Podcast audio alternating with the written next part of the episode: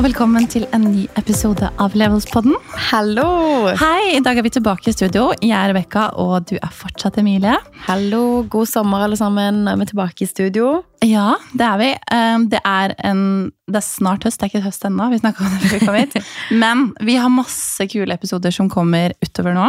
Det har vi absolutt. Og vi er tilbake fra ferie. Det har skjedd mye i sommer. Definitivt. Vi har jo snakket mye før sommeren kom om at sommeren er en tid hvor vi begge henter inspirasjon. Vi får masse ideer, vi tenker på hva vi har lyst til å gjøre for året som kommer. Og vi hadde jo en lang samtale i går. Jeg Ja. satt på flyplassen og jeg bare Å, herregud, jeg tenkte på dette, jeg tenkte på dette.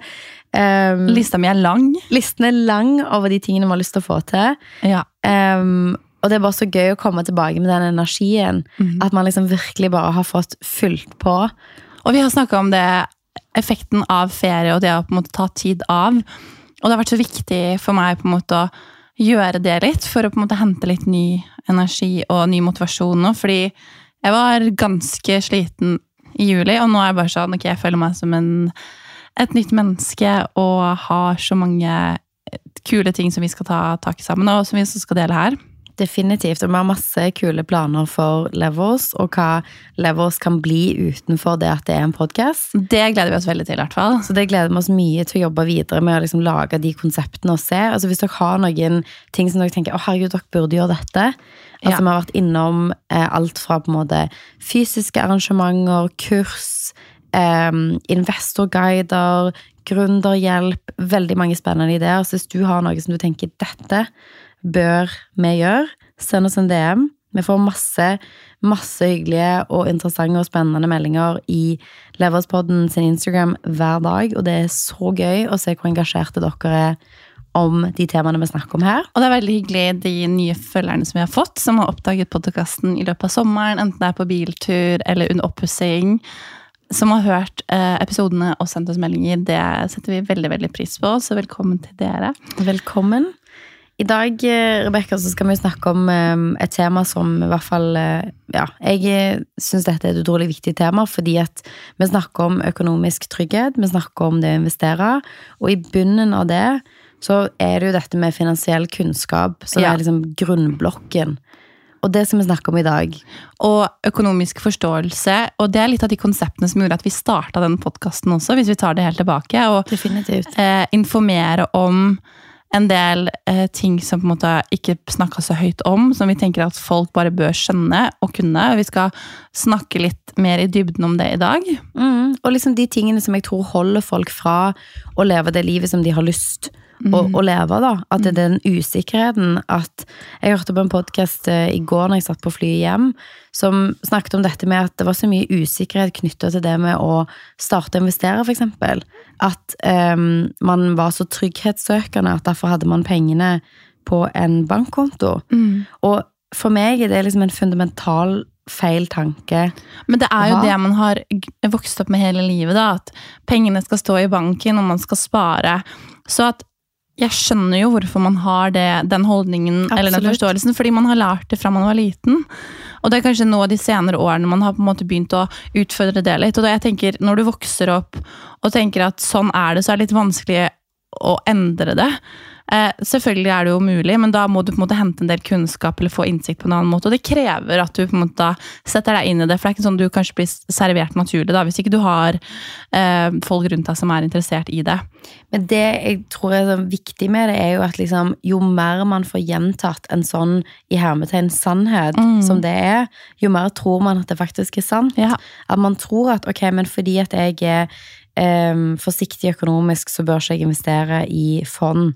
Eh, derfor bør jeg investere pengene mine i, eller ha det i en sparekonto. Og så kan man se liksom historisk at sånn, har man gjort det de siste 10-15 årene, eller bare de siste tre årene, så har man gått glipp av en helt vanvittig mulighet til å bygge formue. Og for meg er det liksom det motsatte av trygghetssøkende. Så for meg, når jeg hører sånne ting, så blir jeg nesten sånn Det er helt motsatt av å være trygghetssøkende, fordi at man har aktivt søkt ut et finansielt instrument som gir deg dårlig avkastning over tid, som du taper kjøpekraft av, og som generelt gir deg dårlige vilkår. Og man skaper jo en begrensning for på en måte sin egen livssituasjon, da. Fordi i veldig mange tilfeller så ønsker jo folk å få mer penger, tjene mer, kunne investere, kunne skape noe. på en måte, Og da trenger du den veksten, spesielt økonomisk. da. Absolutt, og har man hatt pengene i en sparekonto de siste årene, så har man jo på en måte tjent mindre på å sette pengene sine et sted enn det inflasjonen har vært. Og nå i et miljø som dette, hvor man har høy inflasjon, så taper man jo aktivt kjøpekraft på å ha pengene sine på en bankkonto. Så er det annerledes, selvfølgelig. Jeg syns man bør ha en viss buffer. Eh, I mange år av mitt liv så har jeg ikke hatt det. Da har jeg hatt liksom, ok, nå sparer jeg alt jeg har i fond, og hvis jeg trenger noe, så tar det meg ja, det tar noen timer, kanskje en dag, en arbeidsdag, å få løst ut penger i et fond. Hvis vaskemaskinen ryker eller et eller annet, så Ja. har jeg muligheten til å få tak i de pengene. Ja, det kan godt være at man innløser på et historisk dårlig tidspunkt, og at man taper med de beløpene jeg hadde da, et par tusen kroner på det. Ok, tøff, tøff løkk. Men hadde man da istedenfor valgt å sette ja, folk som har hundrevis av tusen i bufferkontoer, i sparekonto, brukskonto og lignende, for sånne type ting, da, for en regnværsdag, så sparer man jo betydelig mer enn det. Se at en oppvaskmaskin ryker da én en gang i løpet av fem år da, eller ti år, eller et eller annet tilsvarende, så har man på en måte tapt veldig mye av de pengene man kunne ha investert. Og det tror jeg liksom er den hoved ehm, Kanskje tanken rundt penger som blir gjentatt igjen og igjen og igjen, og spesielt overfor kvinner, det at man har et fokus på dette med å være trygghetssøkende, og at det er utelukker veldig mange av de tingene som faktisk gir deg trygghet, sånn som eksempel å investere i fond. Og så tenker jeg, eh, det er jo litt sånn Hvis man er vokst opp med det mindsetet, og at man skal spare Altså sånn Man vet at man skal spare, vet ikke helt hvordan man skal gå fram. Eh, og det der å tilnær, eh, er, tilegne seg eh, kunnskap. Mm. Og det er liksom, Hvor skal man begynne? Jeg tror det er veldig mange som er der. Hvor skal man begynne? Mm. Hva, hva skal man gjøre for å gå frem? Altså Mitt beste tips eh, er jo egentlig podkaster. Um, Definitivt. jeg syns podkaster er en veldig fin måte på en måte til å lære mye. mm. Eh, rask informasjon, enkelt. Eh, og du finner jo selvfølgelig podkaster som er kompliserte, men vi har jo snakka om dette med konseptet, på en måte forstå hva en aksje er, hva renter er, hvor man skal investere i ulike fondstyper. Sånn, et tips er jo på en måte hvis man hører denne episoden nå, at man kan gå tilbake og høre på det igjen. Mm. Eh, Jeg husker når jeg ble ganske interessert i det her og skulle starte med, med, med fond og på en måte investeringer og sånn, så trenger man noen ganger også friske det litt opp. Mm. Eh, og man, det finnes så mange med digitale eh, altså sånn, plattformer som man har, sosiale medier, så finnes det veldig mange steder man kan hente informasjon. TikTok igjen er jo en veldig fin måte å på en måte kanskje kunne forstå litt grunnleggende eh, prinsipper, Mm. men du må på en måte sette av litt tid til å gå i det, da. Definitivt. Altså, jeg tror at den største barrieren man har for å skape, enten om det er en langsiktig formue, eller om å bygge seg opp en buffer, eller investere i fond, handler om mangelen på kunnskap og forståelse. Og det bygger veldig mye at man har skapt mye frustrasjon og eh, vanskelig terminologi. Man har liksom plassert en sånn vekt om at å nei, med mindre du er aksjemegler eller du er økonom, så skal liksom disse tingene virke vanskelig, da. Ja, og jeg tror media er jo med på en måte, aviser er jo med på å legge fram det som et på en måte vond, vond og vanskelig ting å snakke om. Hvis vi ser på overskrifter i avisa, så er det 'renten går opp', 'økonomien', 'nordmenn sliter i kredittland'. Altså sånn, hvordan ting blir satt fram i media, påvirker oss. Det skaper en følelse i oss som gjør at penger gir oss på en måte ubehag. Definitivt. Eh, det er veldig mange av våre venner vi har snakka gjennom, vi har jo brukt noen eksempler tidligere, eh, hvor de syns det er på en måte ukomfortabelt å snakke om det med lønn eller det med penger. Mm. Eh, jeg hadde et tilfelle hvor jeg var litt redd for å eh, Jeg snakka om at jeg var redd for å seile over Atlanteren. Fordi jeg, jeg tenker at det var veldig skummelt å gjøre, og det er det jo. Men så møtte jeg som sa sånn Den eneste grunnen til at du syns det virker skummelt, for det er det ikke, er fordi du mangler kunnskap om det. Og det er liksom litt det samme med når det kommer til eh, penger, at folk syns det er ubehagelig fordi de føler kanskje ikke de har kunnskap nok til det. Og igjen, det har jo vært litt sånn tabu å snakke om penger, men det fine man kan gjøre, er å begynne å snakke om det, Mm. Eventuelt stille spørsmål. Og det er jo Det føler jeg jeg kanskje har hvert fall gjort mye. Eh, hvis jeg ikke kan ting. Jeg. Jeg har stilt deg masse spørsmål, fordi du, du kommer på en måte fra en helt annen bakgrunn enn det jeg gjør, og har en helt annen innsikt. Som gjør at du kan forklare liksom, de grunnleggende konseptene på en litt annen måte. Fordi Snakker du med økonomer, snakker du med folk som jobber i bank, så bruker de terminologi som nødvendigvis ikke er så vanskelig når du får det forklart, men det høres komplisert ut. Mm. Og så er det summen av alle ordene. Yes. Det er liksom kanskje er å forstå ok, hva et aksjefond i på en måte konteksten av at du bare har det ordet. Så det er en ting, men hvis du har liksom sånn ok, avkastning, indeksfond, forvalter, aktiv forvalter, um, indeksregulert, renter, avkastning Alle disse tingene i én setting, så blir det kanskje Ja, det blir gjort skummelt, det blir gjort vanskelig. Så det jeg på en måte i hvert fall jeg mener er kjernen til at veldig mange folk holder seg fra det å investere, og på en måte gjerne bruke disse verktøyene for å endre livet sitt, handler veldig mye om finansiell forståelse. Absolutt. Og jeg tror um, Jeg har i hvert fall tenkt mye på det At jeg er veldig glad for at jeg har på en måte lært meg dette nå, eller i, i, i ung voksen alder. Uh, og så har jeg tenkt veldig mye på, på en måte, mamma og pappa, fordi de har på en måte prøvd å lære meg det de kan. Men de på en måte kanskje sitter litt igjen i «Å, skal du gjøre det, skal du bruke penger der? Altså sånn Litt igjen i et litt gammeldags eh, mindset. Og det er på en måte de, de er jo litt eldre og på en måte ikke så oppdatert på tida heller. Men jeg tenker at alle Sånn som når vi gikk på skolen, og sånn, så var det på en måte ikke tilrettelagt for at vi skulle lære så veldig mye om eh, økonomisk forståelse og kunnskap i dette her. Ikke i basic, i hvert fall. Det var sånn der, hva er et serielån? Hva er annuitetslån? Ikke det hele hele sånn der, tatt. Ok, ja, det har man jo på en måte liksom en en, man husker det jo ikke. To, det er definitivt ikke det som er kjernen av finansiell forståelse. Man har liksom 100% hoppet over det som er absolutt viktigst. Absolutt, og jeg tenker jo at eh, vi nå kan på en måte endre det litt. Men på en måte både utfordre litt sånn, ok, hva er det man lærer i dag? Når er det man får tilgang på disse tingene? Og eh, jeg tror i skolen, eh, uten at jeg vet veldig mye, har blitt bedre til på en måte å lære om personlig økonomi, budsjettering og sånne ting som vi ikke hadde noen ting om. Men de som på en måte er eh, har barn nå, eller tenker på å få barn, på en måte kan lære de som kommer etter seg også, da, om viktigheten av eh, økonomisk forståelse. Fordi jeg tror jo tidligere dette kommer inn, eh, jo mindre farlig blir det, eller føles farlig, og så blir man bedre på det. Og det er jo det man vil tilrettelegge for, på en måte for alle, spesielt hvis man har barn som kommer etter seg, men også på en måte yngre søsken, venner. Jeg syns det er kjempefint når jeg kan sitte og ha samtaler med mine venner om hvordan man skal investere, eller hvordan man burde på en måte legge opp eh, budsjettene sine, eller planlegge for for å kunne på en måte kanskje starte en bedrift, da, så trenger man å sette til side midler, sånne ting. Mm. Og kunne snakke om de tingene.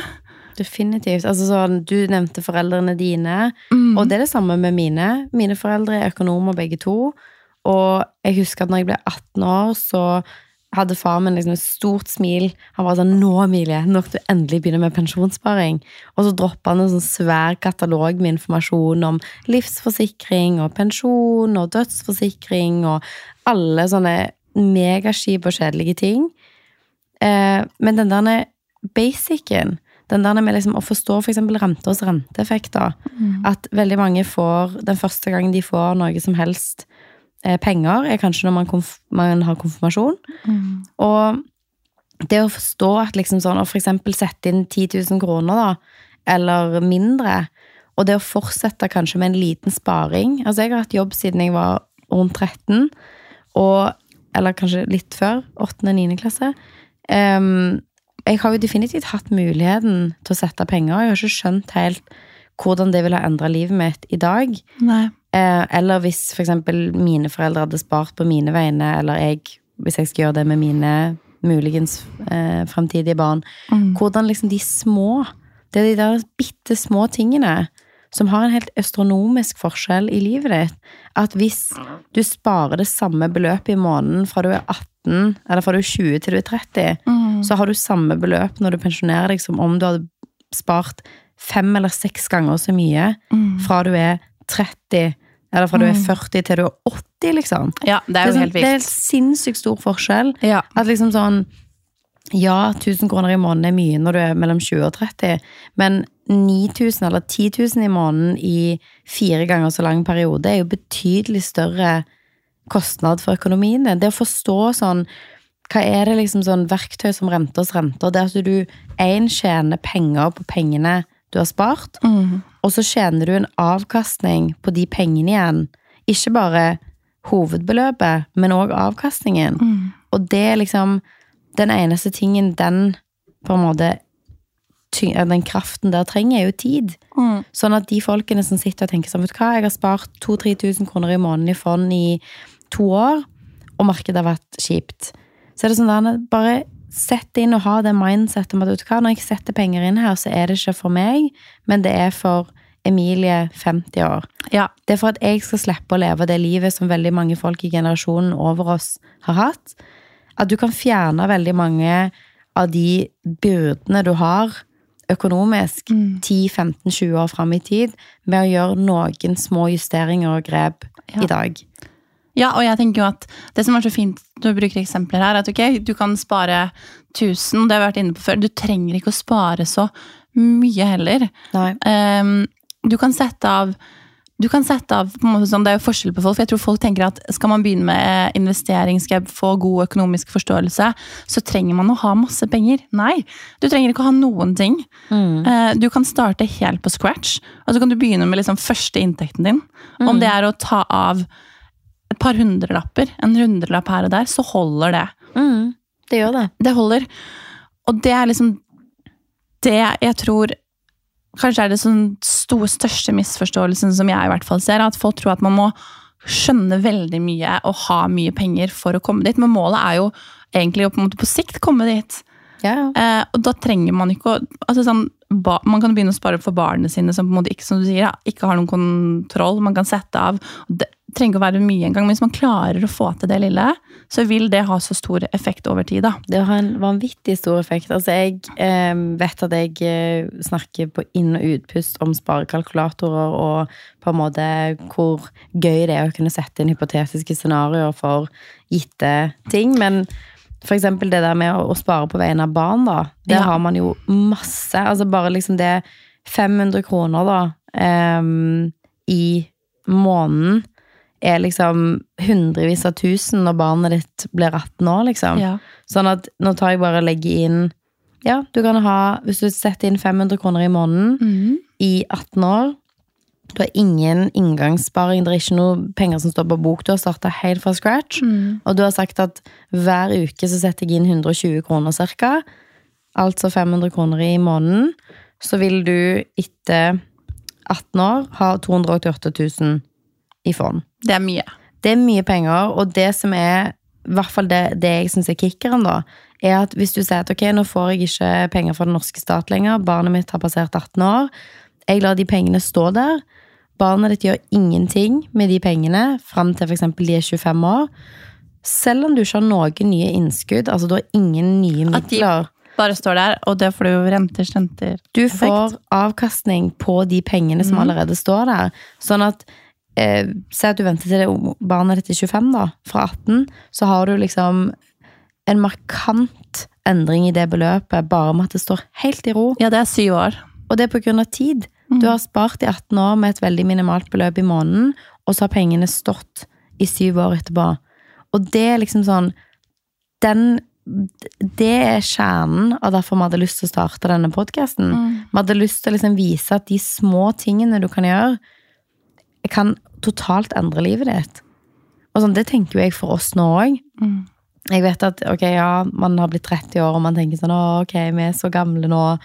Vi, eh, og jeg føler jo at vi ennå er kjempeunge, men vi kan gjøre så utrolig mye nå de neste årene for å ha en dramatisk annerledes livssituasjon enn det foreldrene våre for eksempel har hatt. Selv om de har hatt det veldig fint, så kan man på en måte gjøre ting nå som gir oss en helt annen frihet.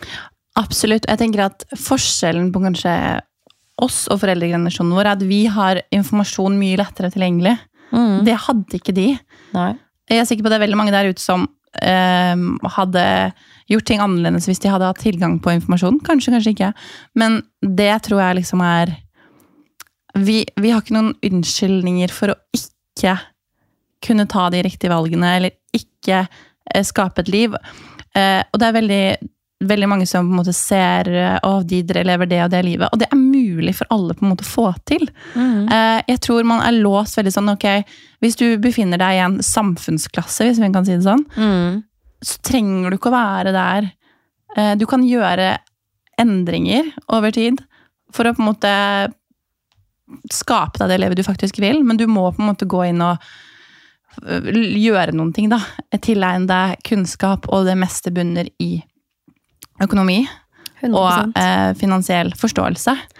og, og- mindset. Og mindset, selvfølgelig. Fordi igjen, det der å være redd, det kommer av kanskje det å ikke ha nok kunnskap. Mm. Fordi du hadde ikke vært redd hvis du hadde skjønt hva på en måte mulighetene alle, alle mulighetene som lå der for deg. Da. Mm. Så jeg tror du må jobbe litt med mindset, det har vi også snakka om. Vi har noen episoder på det. Ja. Eh, og det med kunnskap, og på en måte bare suge til seg alt man kan. Definitivt. Altså sånn, hør på de Nå går jeg tilbake igjen og ser eh, våre episoder, men eh, prøv også å gå tilbake igjen og se på sånn, okay, hva er et aksjefond, Q&A på sparing, investering. Se på de. Mm.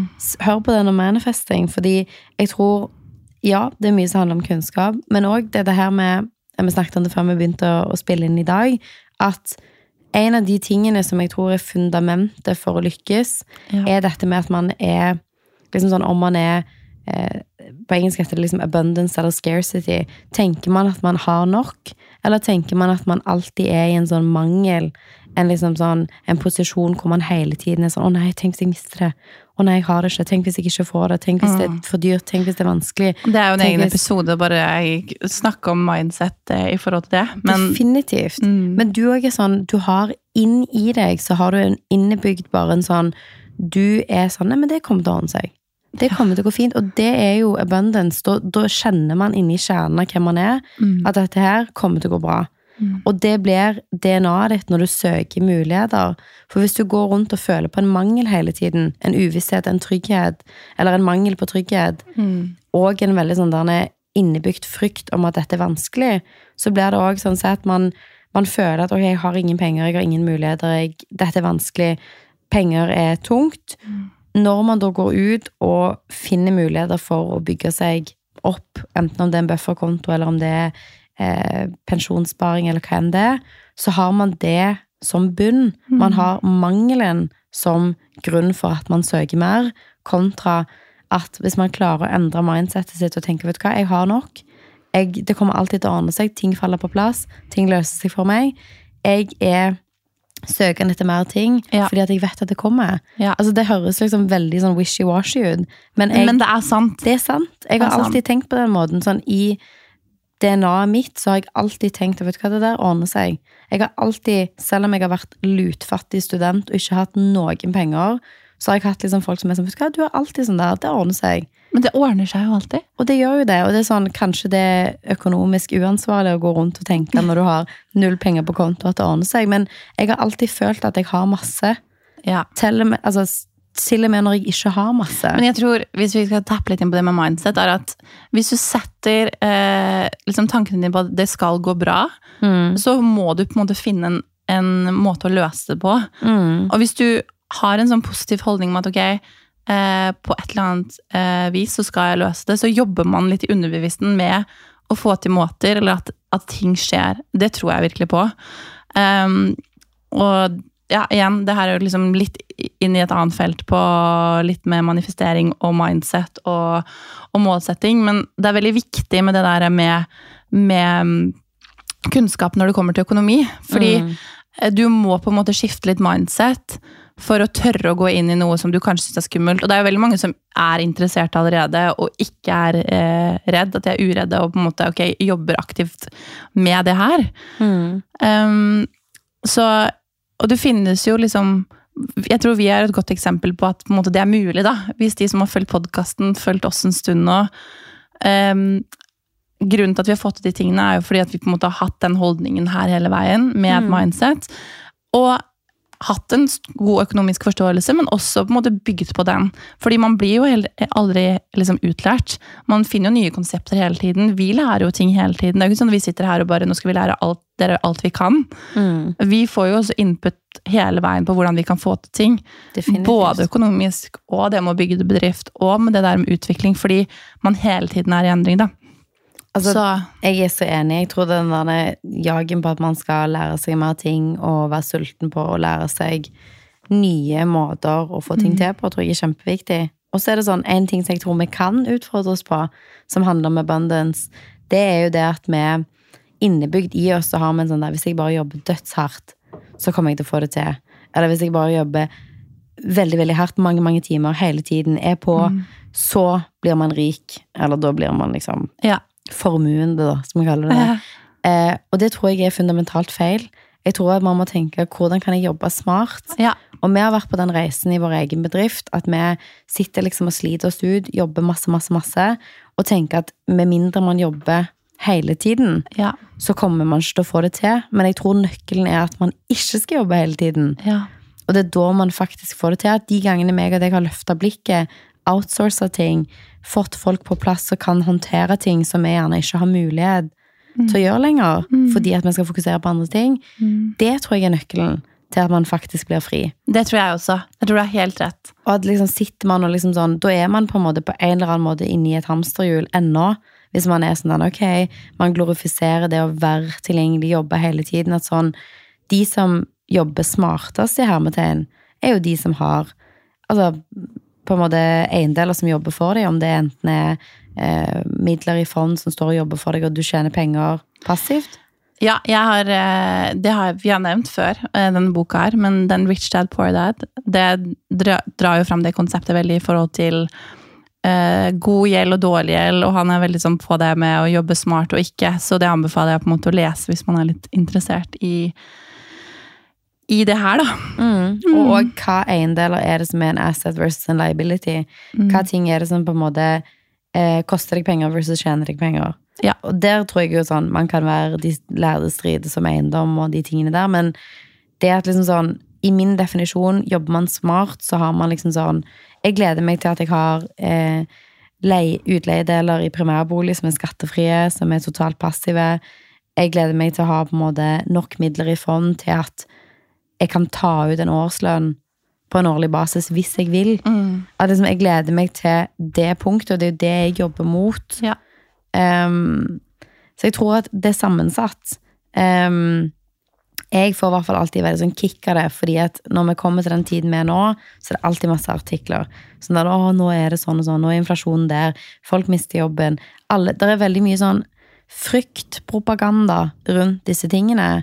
Og hvis det er de tingene som holder deg fra å søke ny kunnskap eller å komme i gang, så søk ut enten om det er eh, bra podcaster som forklarer ting på en enkel måte, eller om det er podcaster sånn som Millionhjerne, hvor man på en måte går inn og, og hører konkret, folk som deler konkret. Sånn gjorde jeg det, sånn fikk jeg det til. Eh, finn folk rundt deg som på en måte ønsker de samme tingene, så man kommet i gang. Og ikke fall inn i de narrativene som er sånn Å, kvinner er redd for å investere. Kvinner er, eh, har frykt for disse disse disse aktive klassene. Kvinner tar ikke risiko når det kommer til investering. Ja. Drit i alt det der. Slutt å høre på eh, om det er òg pengeinfluensere, folk som snakker om økonomi, som er fryktbasert. For det holder deg i en sånn frykt-mindset hvor du tenker at det ikke er nok for alle. Ja, godt poeng, fordi det er Det finnes noen der ute som er eh, nettopp det du sa. Ja, ja. Og det er masse folk på TikTok, masse internasjonale folk som snakker om penger, som er veldig sånn fryktbasert. Som, det er ikke som vi som gründere, at vi tenker at hvis, hvis vi gjør det bra, så betyr det at det ikke er mulighet for andre å gjøre det bra. Og sånn er det litt når du har frykt-mindset. Versus hvis du ikke har det, så er man veldig sånn Ok, vi gjør det bra. Det gjør de òg. Supert. Mm. Det er kjempebra. Vi kan på en måte lykkes sammen. Akkurat sånn som med penger og økonomi. At man ikke har frykt som kjerne, eller usikkerhet, eller eh, mangel på ønske om å ta risiko når risikoen gjerne ikke er reell. Det synes jeg er et veldig fint eh, eksempel som du tar opp der. For jeg tror det er veldig mange som er sånn, og hvis de gjør det, så er det ikke rom for oss og sånn. Men eh, vi har jo hatt mange her som jobber med eiendom, eksempel. Mm. Du jobber med eiendom. Vi har hatt Andreas Roland, vi har hatt Fastighetsprinsen, vi har hatt flere. Og det som jeg føler er en sånn genuin og sånn felles greie er at alle støtter og heier på hverandre. Alle jobber Mm. i samme marked, alle er på jakt etter boliger og potensielle prosjekter. Men det er sånn, deler informasjon, man snakker og man løfter hverandre fram. Og det samme tenker jeg at eh, det kommer til når det gjelder økonomi. Mm. Penger kommer alltid til å være en greie. Det kommer alltid til å være eh, marked man kan gå inn i. Man kan investere i. Bedrifter vokser, så på en måte det er rom for de som tør å, gå inn, tør å gå inn i det og velger å gå inn i det. Definitivt. Eh, og det samme gjelder det med eiendom, på en måte. At man på en måte Ok, man finner nye veier. Man finner eh, Man hacker jo systemet hele tiden. Man utfordrer fordi man konstant er i utvikling. Det Mm. kommer nye ting inn, teknologi, men behovet for alle disse tingene eksisterer jo fortsatt. Um, så nei, jeg tenker at vi skal runde av denne episoden i dag med litt eh, økonomisk kunnskap. Vi var innom masse sånne småtemaer også. Definitivt. Bottom line er vern hvem du hører om penger fra. Yes. Og la de folkene som, innfly, eller som har innflytelse på deg når det kommer til penger og økonomi, være personer som ikke gjør ting basert på frykt eller usikkerhet, men som på en måte tar kalkulert risiko. For det er selvfølgelig risiko et element i det, men som ikke går rundt og eh, er redd for at worst case scenario skal skje. Fordi at det er den større sannsynlighet for at de tingene faktisk skjer. Og de som har et veldig sånt begrensa mindset, kanskje også. fordi det er veldig mange som er sånn Hvis man skal få til dette, så må jeg begrense meg sånn og sånn. Jeg må Mm. spare på ditt og datt. Og eh, begrense meg her, kan ikke gå ut og spise. Sånn begrense sin livsglede. Og det har vi på en måte også vært litt sånn motstandere av. at Ta aktive valg for å på en måte skape deg det livet du vil. Mm. Men ikke gi opp nødvendigvis hverdagen din for Definitivt.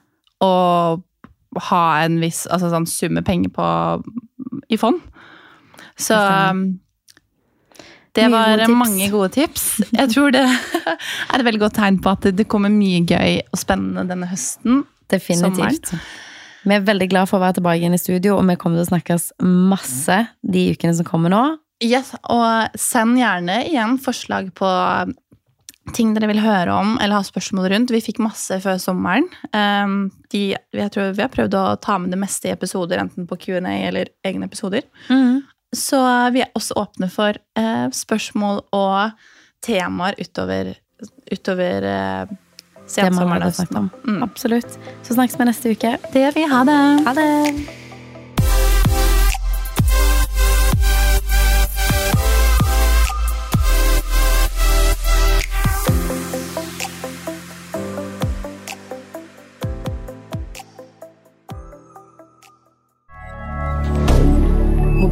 Moderne media.